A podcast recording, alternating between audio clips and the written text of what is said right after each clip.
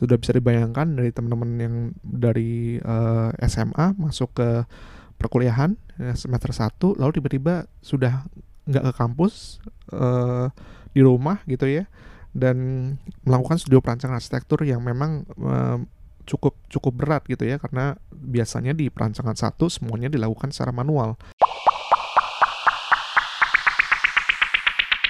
Halo, gue Albertus Prawata. Kembali lagi di Talks dan kali ini gue akan sedikit cerita di Talks episode ini kaitannya dengan pendidikan arsitektur di masa pandemi secara spesifik atau secara khusus yaitu pelaksanaan studio perancangan arsitektur di masa pandemi di masa-masa di mana studio perancangan arsitektur ini dilakukan secara online di universitas-universitas. Mungkin tidak cuma di Indonesia saja, tapi rasanya juga di seluruh belahan dunia karena ada kaitannya dengan pandemi COVID-19 saat ini.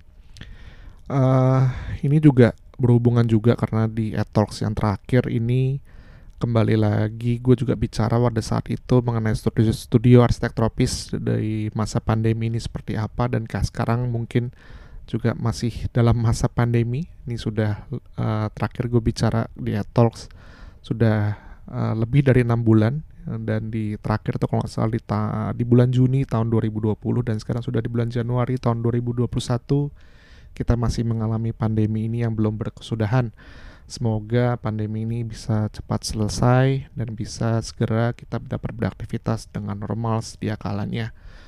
Ya, dan memang juga dengan kesibukan-kesibukan ternyata banyak hal-hal yang terjadi ya di masa pandemi ini di mana pekerjaan ataupun hal-hal kegiatan yang biasa dilakukan secara offline atau langsung gitu ya onsite gitu. Sekarang banyak dilakukan secara online dan itu memang banyak juga sebetulnya menguras waktu, menguras tenaga dan banyak hal-hal yang gue rasakan cenderung membuat gue lebih capek gitu ya. Sehingga mungkin energi-energi untuk bisa mencurahkan ataupun juga bercerita atau mengupload atau bahkan membuat podcast ini juga hampir tidak ada atau uh, habis gitu ya tapi ini mungkin di tahun yang baru dan uh, seperti biasanya tahun baru biasanya fresh start gitu ya suatu hal yang baru.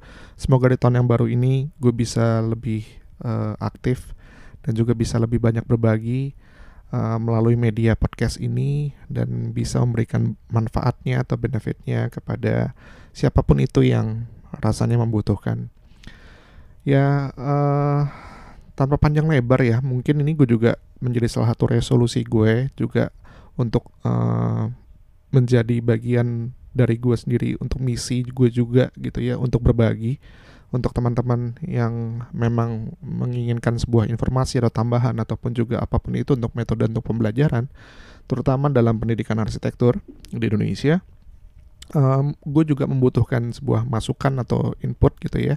Dan jadi silahkan aja kalau memang ada hal-hal atau topik-topik yang ingin ditanyakan atau dibicarakan atau ingin dibahas uh, atau meminta sedikit pandangan atau pendapat gue secara pribadi silahkan aja. Mungkin bisa di mention bisa entah nanti mungkin bisa di Japri atau bisa di WA atau bahkan pakai Instagram, pakai Twitter atau Facebook silahkan aja di mention kira-kira apa uh, topik-topik atau hal-hal yang ingin ditanyakan atau disampaikan sehingga ini mungkin bisa menjadi pembahasan di uh, talks ini gitu ya. Nanti mungkin juga bisa gue undang uh, narasumber-narasumber yang mungkin tepat gitu atau bisa gue cari untuk gue ajak ngobrol untuk gue ajak bicara untuk gue ajak diskusi untuk supaya lebih uh, ya the more the merrier gitu ya lebih seru lebih lebih asik jadi silahkan aja nanti bisa disampaikan atau bisa di uh, apa ya di di dicolek lah gue untuk untuk bisa uh, menjawab ataupun juga me,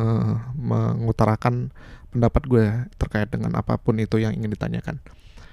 Ya kaitannya dengan studio perancangan arsitektur gitu ya. Memang ini uh, suatu hal yang yang out of the blue tiba-tiba di mana dengan adanya pandemi ini semua kegiatan yang harus dilakukan di kampus semua dilakukan secara online harus harus secara online gitu ya.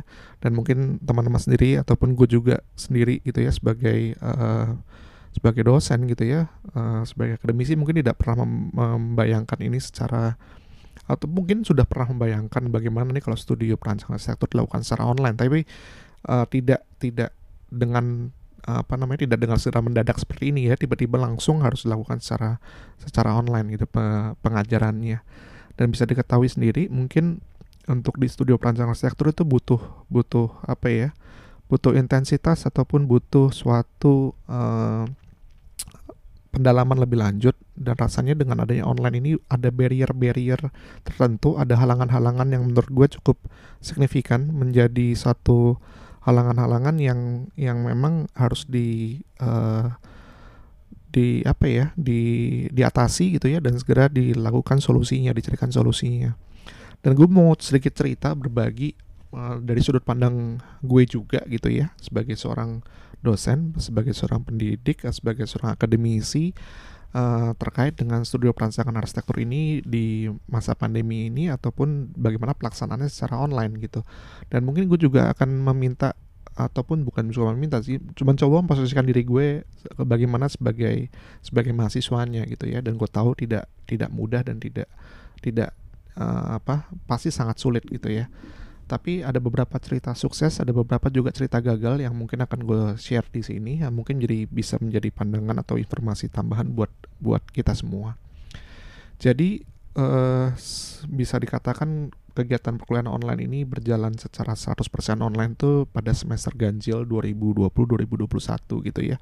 Di mana benar-benar dari pertemuan pertama sampai pertemuan terakhir semua kuliah dilakukan secara online tanpa terkecuali studio perancang arsitektur dan gue akuin di sini kalau namanya studi perancangan arsitektur di universitas-universitas Indonesia itu dilakukan secara bertahap gitu ya dari perancangan satu, perancangan dua, perancangan tiga, empat, lima dan seterusnya dan seterusnya sampai tugas akhir gitu ya. Dan bisa dibayangkan mungkin gue merasa ataupun secara pandangan gue pribadi mungkin kalau yang uh, tahapan studio perancangannya sudah tinggi di mana mungkin mahasiswa atau teman-teman mahasiswa di sini memang sudah punya skill punya pengalaman, punya uh, kemampuan atau punya basic yang sudah dilakukan sebelum-sebelumnya, menurut gue ini menjadi satu kelebihan gitu ya, karena memang sudah sudah sudah paham dengan dengan uh, teknik presentasi, teknik penggambaran, bagaimana cara menyampaikan suatu ide, suatu gagasan, bagaimana mempresentasikan sebuah produk itu sudah punya pengalaman dan memang yang yang sulit atau menjadi catatan secara umum khusus ini adalah di teman-teman yang di semester 1 uh, eh, yang baru masuk gitu ya. Sudah bisa dibayangkan dari teman-teman yang dari uh, eh, SMA masuk ke perkuliahan ya, semester 1 lalu tiba-tiba sudah nggak ke kampus uh, di rumah gitu ya dan melakukan studio perancangan arsitektur yang memang uh, cukup cukup berat gitu ya karena biasanya di perancangan satu semuanya dilakukan secara manual eh, hands on gitu ya uh, baik itu menggambar membuat market membuat bentukan-bentukan tiga dimensi dan seterusnya. Jadi ini merupakan satu satu kendala yang gue akui cukup menyulitkan bagi kedua belah pihak. Percaya tidak cuma mahasiswanya dosennya pun juga gitu ya. Karena kami punya uh, menurut gue kewajiban suatu dosen itu harus bisa menyampaikan uh, ilmunya gitu ya ataupun um, metode materi dan bisa mencapai learning outcome yang ingin dicapai dituju dari uh, perancangan tersebut atau dari studi perancangan tersebut. Jadi misalnya kalau memang learning outcomes yang bagi mahasiswa dapat mampu untuk merancang bangunan sederhana gitu ya berarti outputnya mahasiswa ini memang harus mampu gitu bisa melakukan atau bisa melakukan perancangan bangunan sederhana gitu ya. Output uh, produk-produk penilaian yang bisa dinilai adalah melalui gambar melalui maket maupun bentuk-bentuk yang yang yang uh, yang video mungkin belum ya karena mungkin di semester 1 belum belum belum diperkenalkan secara spesifik secara khusus bagaimana pembuatan multimedia. Tapi paling tidak minimal melalui produk gambar dan market. Dan uh, ini menjadi suatu kendala karena mungkin harus uh, mahasiswa harus harus punya ekstra kemauan secara spesifik secara khusus untuk bisa melakukan ini uh, dalam masa yang sulit ini karena mungkin untuk mencari bahan market mungkin juga punya ada kendala gitu ya. Atau bahkan mencari material-material tertentu untuk menggambar juga mungkin ada kendalanya misalnya gitu ya. Jadi ini salah satu hal yang perlu, menurut gue jadi satu uh, catatan ataupun suatu hal yang perlu diperhatikan. Dan memang uh, ini gue juga melihat dari dari teman-teman mahasiswa gitu ya. Dan uh, gue akuin memang mungkin agak sulit gitu ya jangan memahami maksud atau pesan inti dari pembelajarannya dari dosennya dari materi-materinya pasti akan sulit lah. Uh, karena mungkin pada saat menjelaskan uh, materi tersebut dosen tersebut mungkin tidak uh, lebih banyak memberikan instruksi menggunakan kata-kata gitu ya. Kadang-kadang kadang-kadang di sini butuh butuh suatu tindakan action langsung gitu ya untuk bisa menerapkan oh maksudnya seperti ini harus perlu ditunjukkan gitu. Dan memang ini bagi seorang dosen perlu sebuah strategi khusus gitu ya sehingga butuh yang namanya materi-materi pembelajaran yang akan sangat berbeda sekali pada saat uh, kegiatan belajar mengajar ini dilakukan secara onsite atau pada saat ketemu langsung di kampus gitu. Rasanya tidak bisa cuma sekedar menggunakan kata-kata gitu ya. Uh, rasanya kita butuh suatu ini suatu ini ya kemauan dalam diri sendiri untuk bisa merubah metode yang biasanya menjadi yang menurut gue luar biasa gitu ya. Karena mungkin butuh butuh ekstra gitu ya, kinerja ekstra untuk bisa yang tadi harus gambar di kertas mungkin harus gambar di tablet yang tadi mungkin harus menunjukkan cara-cara uh, proses penggambaran atau cara-cara pembuatan bagaimana sebuah ruang terbentuk. Itu itu mungkin juga harus butuh uh, alat bantu tertentu gitu ya. Uh, dan itu memang tidak tidak mudah gitu ya. Dan menurut gue yang karena ini mungkin juga satu keberuntungan di zaman digital saat ini dengan adanya media-media digital seperti internet ataupun juga dengan multimedia-multimedia yang ada di internet seperti YouTube dan segala macam ini sebetulnya mempermudah gitu ya. Dan ini menjadi konten-konten yang memang dari mahasiswanya sendiri harus bisa memulai atau bisa mulai start untuk mencari tahu lebih dalam. Uh, percaya sama gue untuk teman-teman mahasiswa secara khusus dosen itu pasti punya waktu yang sangat sedikit gitu ya. Tidak mungkin dalam waktu yang sedikit itu bisa terpaparkan semua ide-ide atau ataupun juga materi-materi secara komprehensif secara lengkap. Jadi mungkin butuh waktu di luar itu untuk teman-teman mahasiswa bisa mencari tahu lebih dalam mencari tahu lebih lanjut. Materinya tadi sudah disampaikan seperti ini contoh-contohnya mungkin secara sekilas sudah ditunjukkan. Kira-kira untuk kalau saya nggak paham kalau gue nggak paham ini gue harus ngapain gitu ya? Dan uh, mungkin di sini nggak harus ketemu langsung dosennya, nggak perlu langsung harus bertanya kepada dosennya, tapi dengan media seperti yang tadi gue sampaikan seperti YouTube atau berangkat dengan googling saja, gue rasa jawaban dari teman-teman mahasiswa itu pasti akan keluar.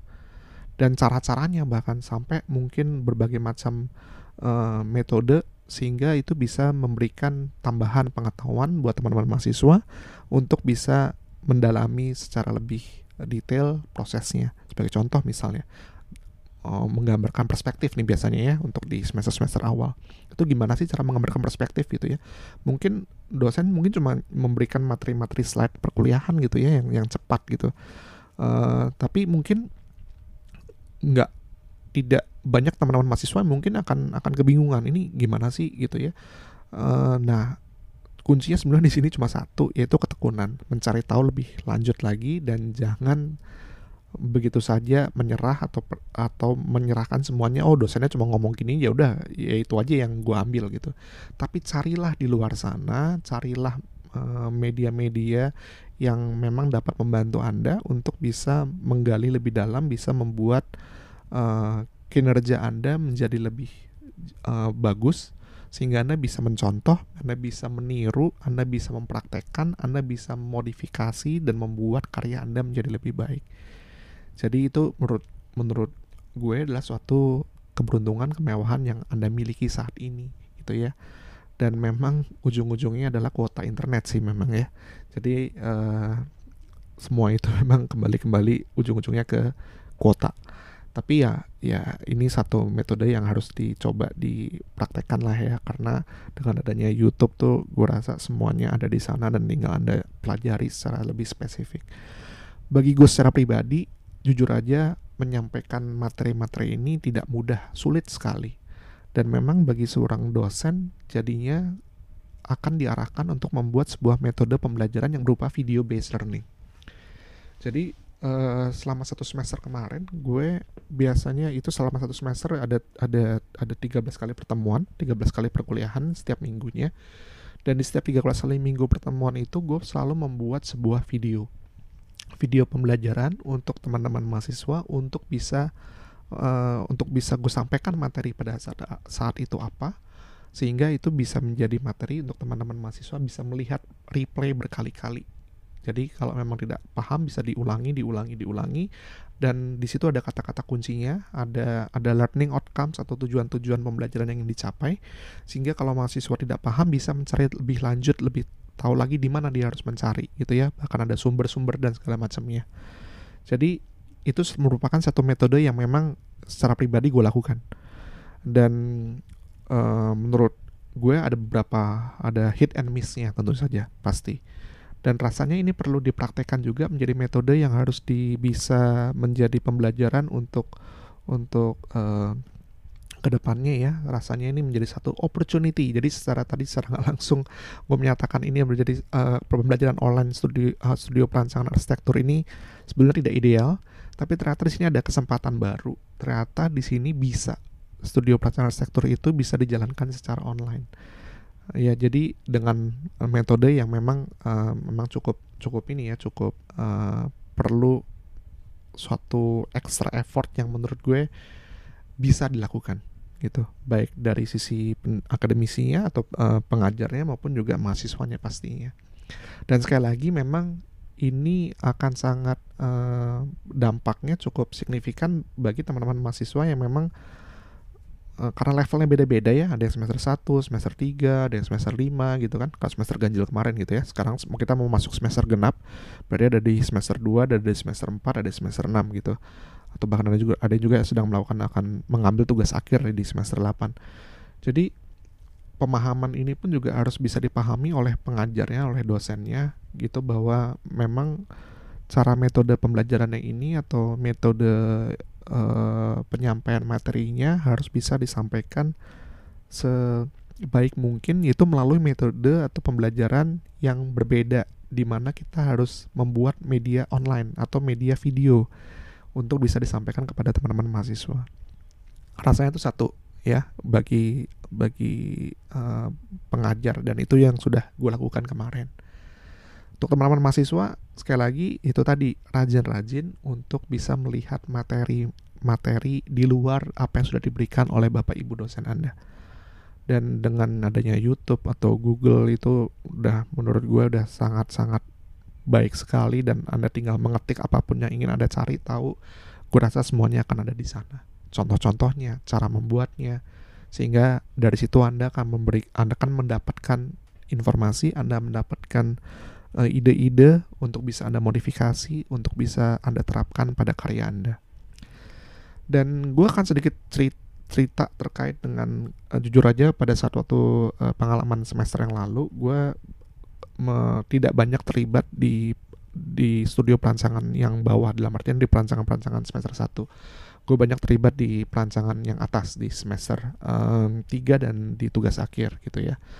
Dan memang ini sekali lagi gue sampaikan mungkin tantangannya tidak tidak seberat uh, mengajar di semester 1 gitu ya atau di semester-semester awal. Karena tadi yang seperti aku sampaikan di awal teman-teman mahasiswa yang di semester 3 di semester 5 atau di, di yang udah mau tugas akhir tuh ya sudah punya basicnya gitu ya. Jadi sudah tahu gitu ya tahapan-tahapan uh, secara garis besar pembelajaran di studio perancangan tuh seperti apa. Nah dengan adanya materi video yang gue buat ini sebetulnya gue yakin ini video ini sebenarnya tidak akan bisa menjawab secara detail atau bisa menjelaskan aspek-aspek yang ingin diminta atau aspek-aspek yang yang apa istilahnya menjadi landasan pem, pembelajaran di studio perancangan arsitektur. Tapi setidaknya gue mencoba untuk bisa menerapkan kira-kira output dari produk uh, dari contoh sebagai contoh mungkin di perancangan arsitektur 3 kemarin gitu ya. Ini tuh apa sih tujuannya? Oh kita akan membuat sebuah galeri. Galeri ini ada ada beberapa learning outcome-nya tujuannya dia harus bisa menampung program ruang galeri secara kompak, secara efisien di suatu area urban di Jakarta. Lalu dia harus bisa menampilkan aspek-aspek tradisional architecture-nya, lalu dia harus bisa menampilkan aspek-aspek terkait dengan uh, sustainability uh, aspeknya gitu ya. Jadi ada ada ada ada kurang lebih ada ada terakhir sorry terakhir adalah kaitannya dengan bagaimana pengaplikasian sistem struktur uh, bangunannya. Jadi ada ada ada empat learning outcomes yang memang harus dikuasai dalam aspek perancangan tersebut. Jadi bagaimana cara menyampaikan aspek-aspek tersebut menjadi materi-materi video sebenarnya itu uh, tantangan bagi gue pribadi. Jadi gue harus bisa menyampaikan bagaimana untuk bisa mencari atau bisa menentukan pembuatan program ruang yang ideal bagi sebuah galeri.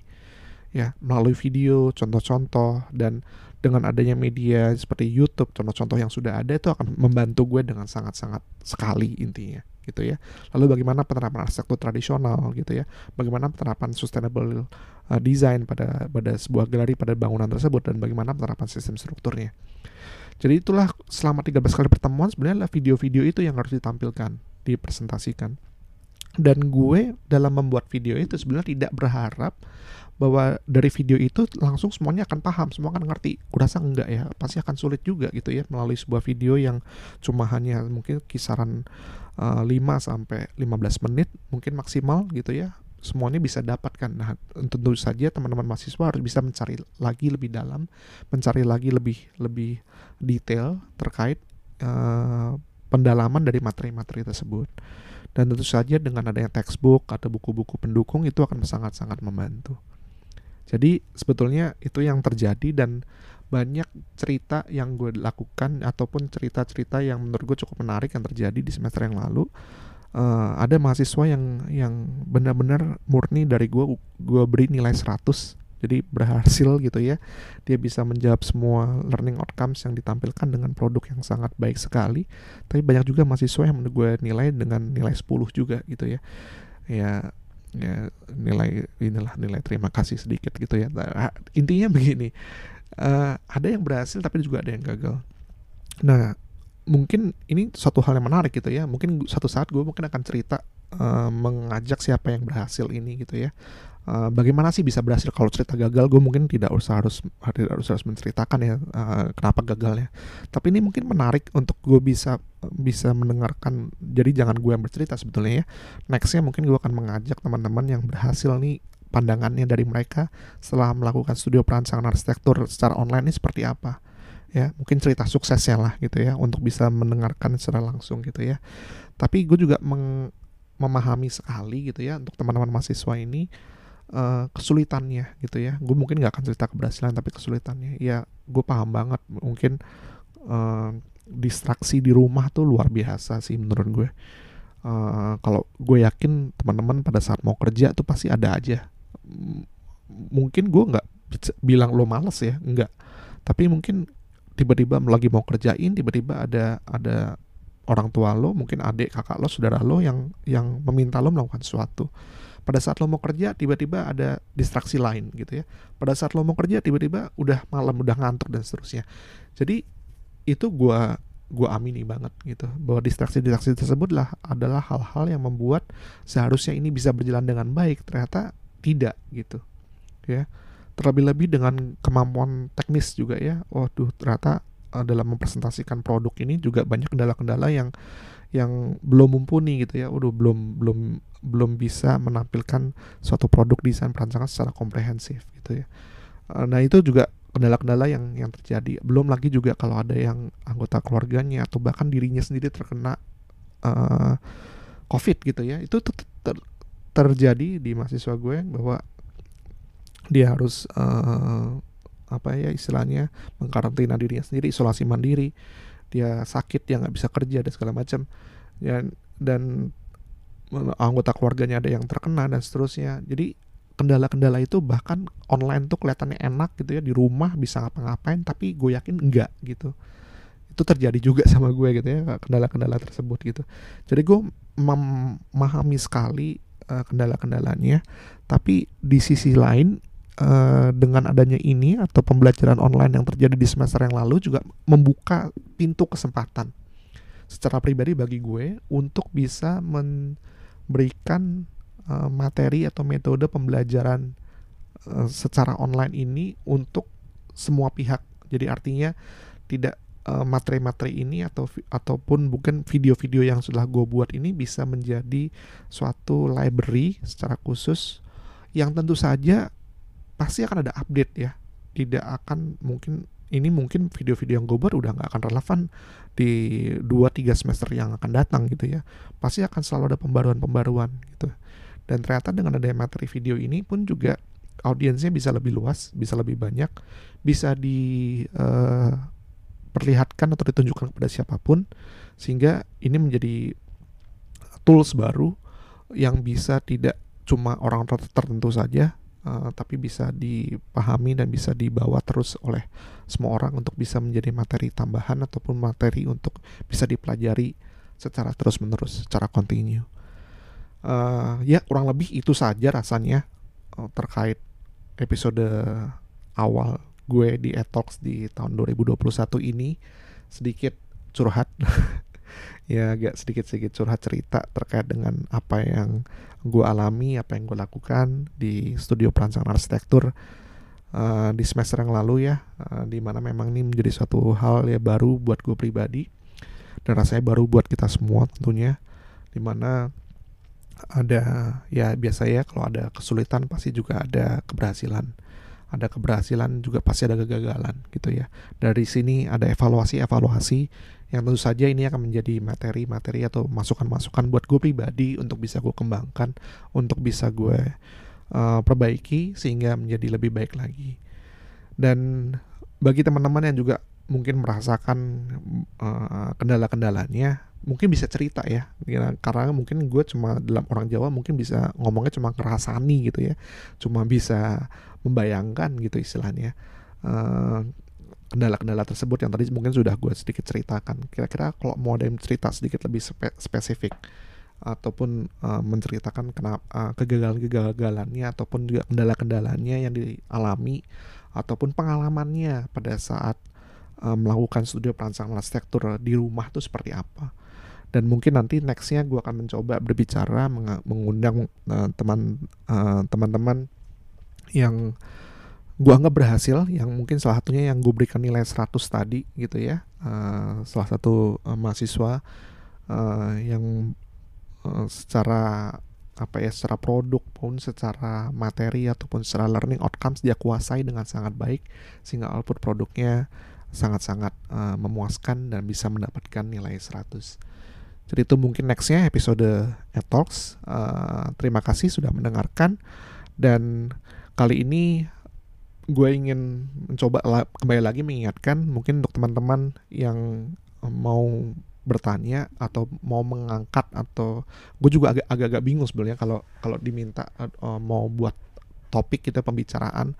Uh, mungkin dari ini gue butuh butuh ya butuh info aja dari teman-teman. Kalau emang ada ditanyakan diangkat silakan aja ditanyakan diangkat. Bisa dijapri saja gue bisa dicolek aja gue mungkin dari akun-akun sosial media gue untuk uh, bisa gue bawa ini untuk bisa dibahas di edisi-edisi Etox berikutnya.